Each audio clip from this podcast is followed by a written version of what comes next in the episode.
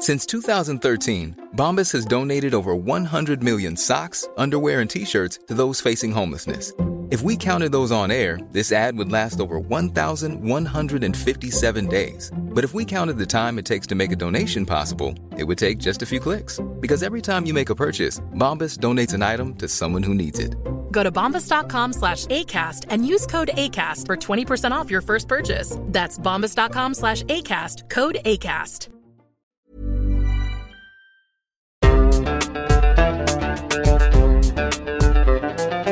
بودكاست صوت.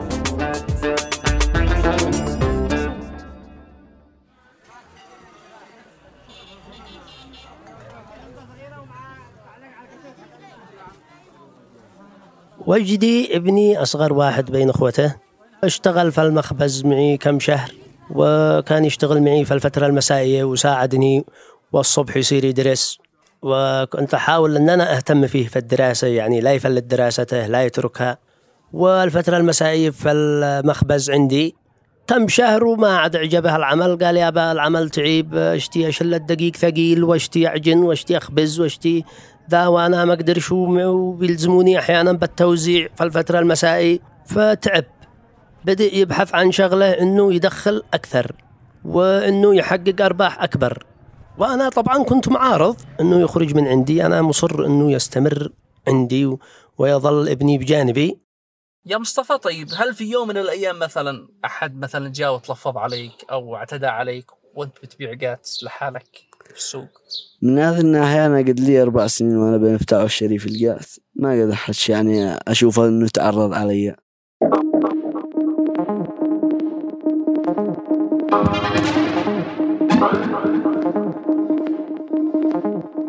أهلا بكم في حلقة جديدة من بودكاست ما العمل. معكم أنا فريال مجدي صانعة بودكاست من اليمن. الموسم هذا يركز على موضوع العبودية الحديثة وعلاقتنا فيها على مستوى بيئة العمل. حلقتنا اليوم هي استكمال لموضوع الحلقة السابقة واللي تطرقت فيها للحديث حول الأطفال العاملين داخل العائلة اليمنية ومدى قدرتهم على تحمل تلك الأشغال الخطرة. بنحكي قصص عن أطفال استغلوا في مهن شاقة واجهوا العالم الخارجي دون وجود أي حماية لهم. وعملت الأطفال خارج العائلة في نظر كثيرين تشكل خطورة وتحدي أكبر لهم. قد تكون أخطر من عمالة الأطفال مع أهاليهم كون أرباب العمل مش من العائلة. غرباء تماماً.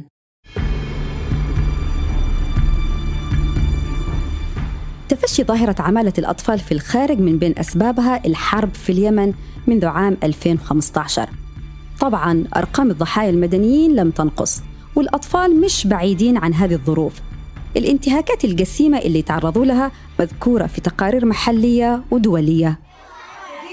أرقام مخيفة لمعاناة أطفال اليمن. كشفت عنها منظمات دولية وفق ما استطاعت الوصول إليه وتسجيله ميدانيا. وما لم تستطع الوصول إليه وتسجيله يشكل أضعافا بحسب اعترافها. المسح الإحصائي الوطني الأخير لعدد الأطفال في اليمن كان في عام 2010 أشار لوجود 7.7 مليون طفل أعمارهم تتراوح ما بين خمس سنوات إلى 17 سنة. هناك حوالي مليون وستمائة ألف طفل من إجمالي أطفال اليمن بين عمر خمس سنوات و17 سنة عاملين في العديد من المناطق اليمنية أو ضمن القوى العاملة في البلاد. عمالة الأطفال ببساطة وفق تعريف الأمم المتحدة هي أعمال تضع عبء ثقيل على الأطفال وتعرض حياتهم للخطر. فهي إما تحرم الأطفال من التعليم أو تتطلب منهم تحمل العبء المزدوج المتمثل في الدراسة والعمل وأسوأ أشكال عمل الأطفال المطلقة التي عرفت دوليا بالاستعباد والإتجار بالبشر وسائر أشكال العمل الجبري وتوظيف الأطفال جبرا لاستخدامهم في النزاعات المسلحة وأعمال الدعارة والأعمال الإباحية والأنشطة الغير مشروعة. ويلاحظ هنا أنه هذا التعريف ما تحدثش عن العمل ضمن أنشطة الأسرة أو الأعمال المدرسية مثلا اللي في بعض الأحيان قد تكون شاقة. الإحصائية اللي ذكرناها الآن عمرها 12 سنة قبل أنه تدخل اليمن في أحداث الربيع العربي وبعدها مباشرة الحرب الحالية فما بالكم الآن؟ وبعد اختفائه بأسبوع تقريبا اتصلوا لنا من القسم قالوا ابنكم متواجد عندنا في القسم وكأنه آثار اعتداء عليه أو ضرب أو ما شابه. الولد كان في حالة من الخوف والرعب يعني. فأنا نزلت الفجر. شليت نفسي ودواني وملابسي وذا والفجر ويلا وتوكلت على الله الحديدة. وصلت لها هناك يعني أنا فرحتي أكثر عندما شفت ابني أنه بخير وصحة وسلامة وعافية. هذا الذي يهمني الأساس. فالقضايا الثانية كلموني المحققين والضباط في القسم. يعني أنه الولد كان عند شلة من المجرمين. هذا والد الطفل وجدي من صنعاء. البالغ عمره 14 سنة. وجدي اشتغل في عدة أماكن حساسة. آخرها في مكان لبيع القات في محافظة الحديدة الساحلية. وتعرض هناك لاعتداء جنسي من صاحب العمل. أبوه بيروي لنا القصة بسبب حساسية الموضوع والحفاظ على السلامة النفسية لابنه. ولد الطفل وجدي معه ثلاثة أولاد جميعهم في سن المراهقة. كلهم يشتغلوا في الشارع لسد مصاريف واحتياجات البيت. الطفل وجدي كان عنده طموح كبير إنه يكون ويأسس نفسه من الصفر.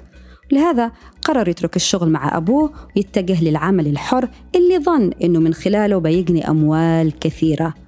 سافر وجدي للحديدة على أمل إنه يحصل على راتب ضعف ما يجنيه في صنعاء. آه، الولد هو داير إن أنا ارفض آه، الموضوع تماما. فكان زي الذي زعما يقولوا هروب هرب هربة سكتة. ما ادرينا الا بعد أسبوع بيتصلوا لنا من الحديده آه، ابنكم عندنا هنا في القسم. إحنا لنا أسبوع إحنا بندور في صنعاء حي ميت انجى نسأل الزملاء أصحابه المغسلين اللي متواجدين أصحاب السيارات اللي يعرفوه أصحاب المحلات. قالوا ما إحنا دارين يا أخي هذا الولد كان فترة هنا واختفى كنا نقول يعني حتى لو هو ميت يتو لنا جثته حتى لو هو في مستشفى بنعالجه فتفاجأنا بالاتصال بعد أسبوع من القسم يقولوا لنا هو في الحديدة. كيف فعل الولد هذا؟ ما أدري إيش الذي حصل؟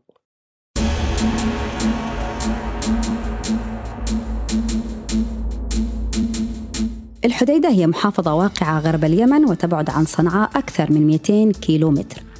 مسافة طويلة بالنسبة لطفل يعمل في تجارة خطرة لكن اشتغال وجدي في تجارة القات ما استمرش لفترة طويلة. كان بيشتغل يغسل السيارات بيتردد عليه واحد من الشباب أكبر منه في السن.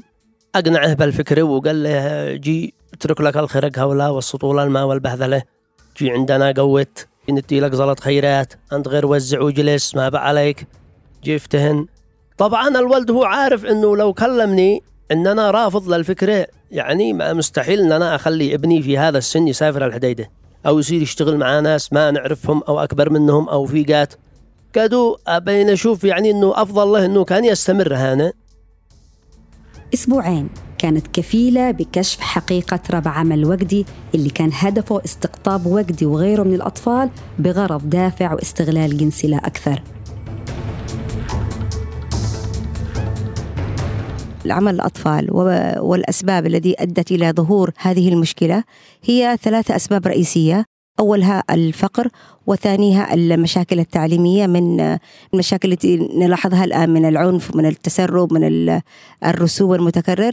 والسبب الثالث هو تدني مستوى الوعي بالنسبة للكثير من الأسر. هذه المداخلة لمنى البان مديرة وحدة مكافحة عمل الأطفال في وزارة الشؤون الاجتماعية والعمل باليمن. إذا افترضنا أنه الفقر وتدني التعليم وفق كلام الأستاذة منى من الأسباب اللي دفعت هؤلاء الأطفال للعمل خارج المنزل لسد احتياجات الحياة من غذاء ومأوى وملبس لماذا ما زلنا نجد اليوم بعض الأسر اللي هي في طبقات متوسطة ومرتفعة اجتماعيا تجعل الطفل يعمل خارج المنزل؟ الغرض ثقافي لأن الأبناء في اليمن وتحديدا الذكور يتركوا للعمل مع الغرباء بهدف بناء شخصياتهم إبراز رجولتهم مبكرا. كثير من الأطفال نلاحظهم تحت 12 سنة هم من يشتغلوا في الميدان. تلاقيهم بالشوارع بتلاقيهم في المزارع تلاقيهم في قوارب الصيد. عندنا ملاحظة أنه في الطفل أول ما يشوف نفسه كذا عدى العشر سنين يشوف نفسه قدو كبير. كمان في الثقافة اللي عندنا أنه هذا قدو خلاص 12 سنة يلا يعتمد على نفسه. الأسرة أحيانا هي كمان تدفع أنه تكبر الطفل قبل أوانه.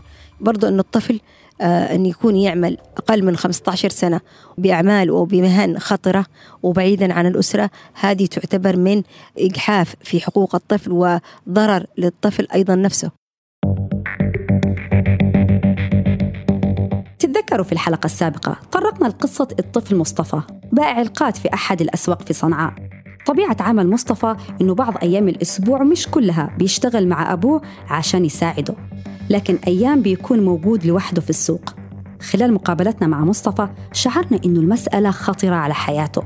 والد مصطفى ما فضلش يسجل معنا الحلقة لكن أكد لنا إنه يومياً بينصح ابنه إنه حريص كل الحرص على التعامل مع الزبائن بكل ودية وتجنب الخوض معهم في أي حديث ربما تكون نهايته سيئة على مصطفى أو الأسرة. مصطفى بيساعد أبوه في مصروف البيت وردية دوامه تبدأ من بعد ما يرجع من المدرسة الساعة واحدة الظهر وتمتد هذه الوردية لساعات متأخرة من الليل اللي يعرض مصطفى لاعتداء أو انتهاك مثل ما حدث مع وجدي يا مصطفى كيف بتشوف المهنة بيع القات؟ وأيضا كيف تعامل الزباين معك أثناء بيعك للقات؟ تعامل الزبائن معي أثناء بيع القات. يعني الزبائن الذي يكونوا عصبيين. جي يعني غير الملف هذا القات ليش؟ وكيف يعني السعر على هذا. يعني الساعة ذي تبخس بك. تبخس يعني بقاته التعليم الحكومي تضرر من الحرب. تضرر كثيرا. أصبحت المدارس لم تعد تستقبل طلاب. لأن وأيضا المدرسين لم يعودوا يدرسوا كثيرا. ما هو الخيار؟ الخيار أن إما أن ترسل ابنك نحو مدارس خاصة برسوم مرتفعة ونعرف نسبة الفقر كبيرة في اليمن نحن غير قادرين على ذلك. إذا الخيار اذهب نحو بيع وشراء القات وأتي بمصروفك. لذلك انتشر القات بين الأطفال يعني بشكل أكبر يعني. ممكن نقول أنها يعني ثلاثة أضعاف عما كانت عليه قبل العام 2014 خصوصا إذا كانت العائلة فيها ثلاثة إلى أربعة يعني أطفال ممكن يرسلهم كلهم للسوق لأن دخله بشكل يومي ودخله أيضا كبير. هذا صوت أصيل سارية الصحفي الاستقصائي المهتم بموضوع القات وعلاقته بالأطفال. لما نذكر القات يربط الناس تلقائيا بينه وبين اليمن وناسه وهويته صحيح ما فيش بيت يمني يخلو من متعاطي واحد على الأقل لشجرة القات. في وقت الظهيرة مثلا تبدأ أسواق القات بإعلان حالة الطوارئ. وقتها يكون الزحام البشري غير اعتيادي بسبب الطلب على النبتة. وروتين المواطن اليمني تناول الغداء وبعدها شاي أحمر مصحوب بتحلية خفيفة ويتجه مباشرة إلى المقيل اللي هو مجلس أو ديوان يبدأ فيها التخزينة بهدوء. هذا السياق المركز على القات يستخدم الأطفال ويستغلهم. فما فيش سوق يخلو من بائعين القات الأطفال في اليمن. خلال إعدادنا لهذه الحلقة زرنا ستة أسواق أربعة منها في مدينة الحديدة اثنين في العاصمة صنعاء. وجدنا عدد الأطفال البائعين للقات في تلك الأسواق غير قليل. الأطفال لا لا يتواجدون في عدد معين من أسواق القات بل في كل أسواق القات في الجمهورية اليمنية. لا بد لك أن تدخل السوق ترى أطفال. لا يعملون فقط في بيع وشراء القات بينما يعملون في أشياء أخرى لها علاقة بالقات مثل بيع المواد البلاستيكية أو بيع المياه أو تحميل القات أو ما إلى ذلك. طيب ما بتخافش على نفسك إذا في مثلا واحد بيعتدي عليك أو يتلفظ عليك مثلا؟ ما بتعتبرش مثلا نفسك يعني في موضوع خوف أو بتخاف من هذا الشيء إذا جاء مثلا يوم من الأيام؟ هذا إنه خوف فاحنا يعني في سوق واحد. يعني معانا اللي هم الجماعة المقاوتة هولك الذي جنبي يعني لو لو شو يعني واحد هكذا معتدي يمكن يكون هكذا معي. تعاملوا معي. بسروا هذا الشخص ماله إنه يعني على إيش تلافظ علي.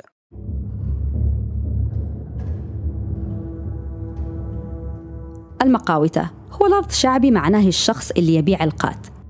في ساحة بيع القات تلاقوا خشونة واضحة من الأطفال في التعامل وصلابة في الأخذ والعطاء وقت البيع وجدية تامة منزوعة فيها البراءة.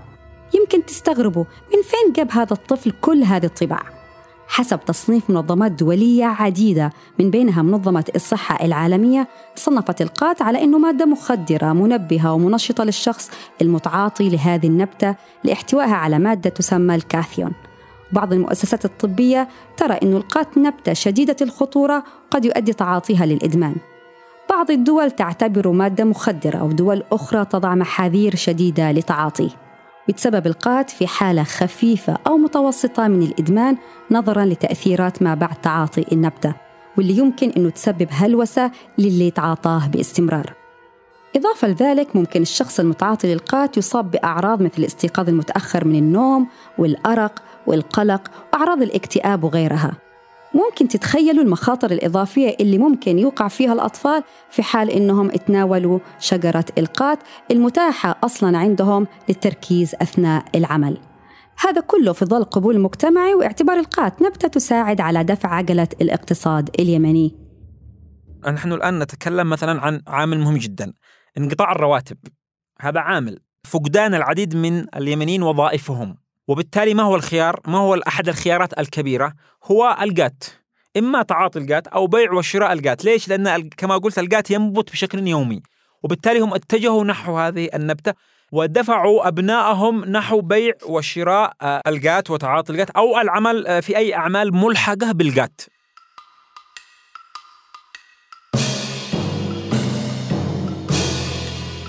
القوانين والعقوبات لمنتهكي حقوق الطفل ما هي إلا حبر على ورق ما يهتمش فيها كثير من أرباب العمل بالرغم من مصادقة اليمن عام 1991 على اتفاقية حقوق الطفل. هذه الاتفاقية تذكير نظري للحفاظ على حقوق الأطفال وحمايتهم من العنف والأذى أو القيام بأعمال لا تتناسب مع سنهم لكن المشهد الحقيقي على أرض الواقع مختلف تماماً.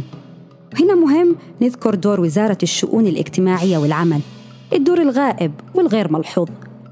كثير بيشوف الوزارة مسؤولة في المقام الأول عن حماية هؤلاء الأطفال من الانتهاكات المرتكبة من قبل أرباب العمل.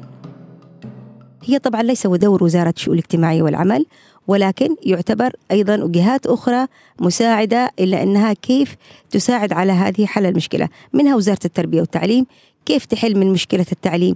كيف تحسن من المناهج؟ كيف تنبذ العنف المدرسي؟ أيضا دور وزارة الإعلام مهم جدا في نشر التوعية بمشاكل والأضرار المترتبة على آه، خروج الأطفال إلى سوق العمل. أيضا وزارة الصحة آه، وزارة الزراعة منظمات المجتمع المدني كل المؤسسات الحكومية والغير الحكومية هي من تعمل بشكل يد واحدة على أنها كيف تحد من ظاهرة عمل الأطفال. كلام الأستاذة منى معناه أن كل الدولة لازم تعمل على حل المشكلة نظرياً لكن عملياً الحل غير مفعل. والدليل وجود أسواق القات اللي نراها ساحة يتم فيها التضحية بالأطفال اليمنيين. أسواق القات هي أكثر أماكن تحدث فيها المشاكل ونحن يمنيين نحمل السلاح وفي حوادث كثيرة حصلت. قتل أطفال من الذين يعملون في أسواق القات نتيجة لإطلاق النار بسبب المشاكل الذي تحصل بين الباعة وبين الزبائن أو بين الباعة بينهم البين. الأطفال هم أطفال لن نقول أنهم يصلون إلى سن الخامسة عشر يعني بعضهم ما زالوا في سن العاشرة أو الثامنة ويعملون في القات. فيحتكون بناس أغراب عنهم. من غير البيئة الاجتماعية المخصصة لهم. أيضا قد يحتكوا بناس آه، منحرفين أو ناس مجرمين أو ناس خرجوا من آه، من السجون. نحن نعرف مشاكل أسواق القات آه، كثيرا يعني. مصطفى ووجدي طفلين من بين العشرات من الأطفال اللي بيتم استغلالهم ووهمهم بمقابل مادي ما يتجاوزش عادة بين 50 إلى 100 دولار شهرياً. لقمة العيش هي النقطة الأضعف لوجدي ومصطفى والكثير من الأطفال اليمنيين اللي اضطروا للعمل دون التأكد من شهادة حسن السيرة والسلوك أو الشهادة الجنائية لرب العمل أو حتى توقيع عقد يضمن السلامة الشخصية للطفل. إجراءات الحماية هذه غير موجودة عند الكثير من أصحاب الأعمال التجارية في اليمن. لهذا يكونوا أحرار في صيد هؤلاء الأطفال اللي هم بحاجة للريال الواحد. يعني بتدرس من الساعة 7 للساعة 12 12 وبعدين بتتغدى في البيت وتروح السوق من الساعة واحدة للساعة أربعة والساعة تسعة وعشرة. كلها على حسب نعم. كلها على حسب. حسب الزبائن طيب يا مصطفى ممكن تكلمني كم بتبيع مثلا في اليوم وإيش أكثر الأيام اللي بتبيع فيها؟ هذا أكثر الشيء يعني اللي هو مرغوب لقيت فيه الشتاء. لو ما ما يكونش في يعني في امطار ولقيت مشو يعني متواجد. فلذلك الزبائن ساعة اللي هم يرغبوا في القاث كأنه هذا في الشتاء يعني يقع البيع هكذا بسعر عالي.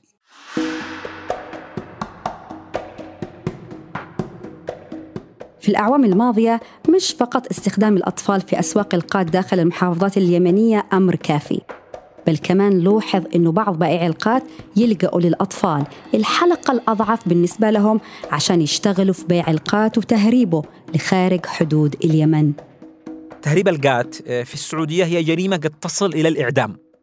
لذلك المهربين يلجؤون إلى الأطفال لأنهم يعرفون أن الأطفال لن يتم إعدامهم. آه، سيتم سجنهم لفترة معينة بس لكن فترة يعني قد تصل لعشر سنوات أو 15 سنة هو في الأخير طفل يعني. وبالتالي هم يهربون من هذه العقوبة باتجاه الأطفال. الشيء الثاني أن هؤلاء لا يريدون المخاطرة بحياتهم.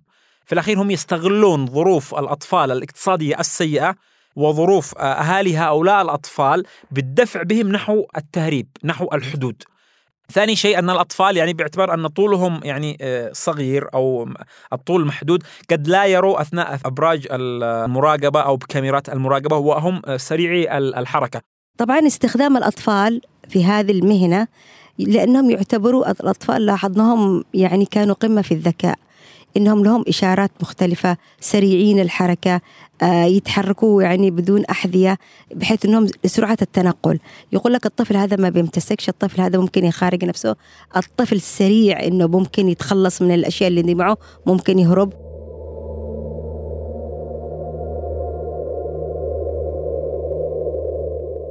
بحسب إحصائية اليونيسف سجلت أكثر من 8500 انتهاك جسيم ضد الأطفال في مجالات متنوعة بين عامي 2019 و 2020 بما في ذلك منع وصول المساعدات الإنسانية وقتل الأطفال وتشويه أجسادهم وتجنيدهم في النزاعات المسلحة والأعمال العسكرية.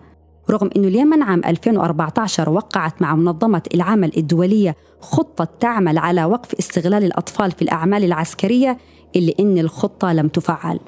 في عام 2018 صدر تصريح من منظمة اليونيسف نصه أكثر من 2700 طفل جندوا للقتال في حرب الكبار كما تحققنا أن أكثر من 6700 طفل قتلوا أو أصيبوا بجروح بالغة وأجبر حوالي مليون ونصف طفل على النزوح.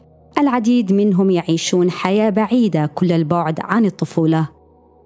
وجدي الحمد لله آه، رجع لعندي ويشتغل عندي في المخبز.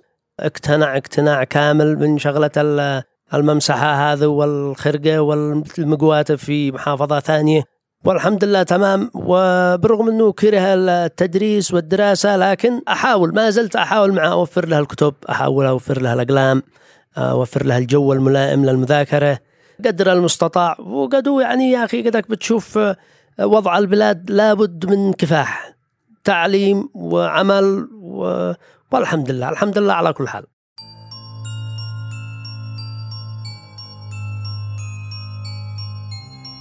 حديث والد وجدي بيرجعنا للنقطة الأولى اللي بدأنا فيها حلقتنا العمل داخل العائلة. وجدي يعمل مع والده في المخبز. كثير مننا يقدر يتخيل صعوبة العمل في مكان مثل المخبز سواء درجة الحرارة أو الزحام على الخبز وعدد ساعات العمل الطويلة اللي يعاني منها كبار السن. كيف ممكن وجدي أنه تتوفر له الظروف الجيدة عشان يعيش طفولة كريمة سواء داخل الأسرة أو خارجها؟ عمالة الأطفال في اليمن داخل حلقة صعبة من الاستغلال والانتهاكات في ظل ظروف حرب تمنع تحقيق أي بيئة آمنة لحياة الأطفال. حاولنا في الحلقتين نلقي الضوء على عمالة الأطفال في اليمن بعد ما حكينا لكم قصص وجدي مصطفى وعبد الله واللي قصصهم ما تنفصلش عن قصص باقي الأطفال المستعبدين والمستغلين في كل العالم.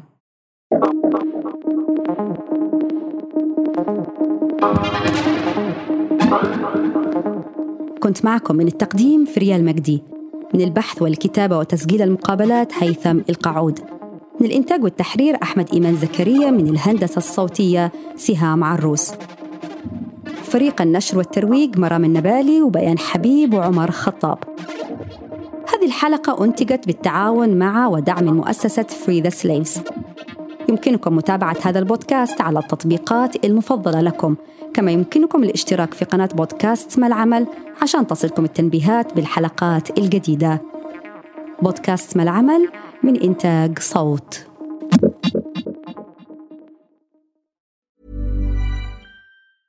A lot can happen in the next three years. Like a chatbot may be your new best friend – But what won't change? Needing health insurance. United Healthcare Tri Term Medical Plans are available for these changing times. Underwritten by Golden Rule Insurance Company, they offer budget friendly, flexible coverage for people who are in between jobs or missed open enrollment. The plans last nearly three years in some states, with access to a nationwide network of doctors and hospitals. So, for whatever tomorrow brings, United Healthcare Tri Term Medical Plans may be for you. Learn more at uh1.com.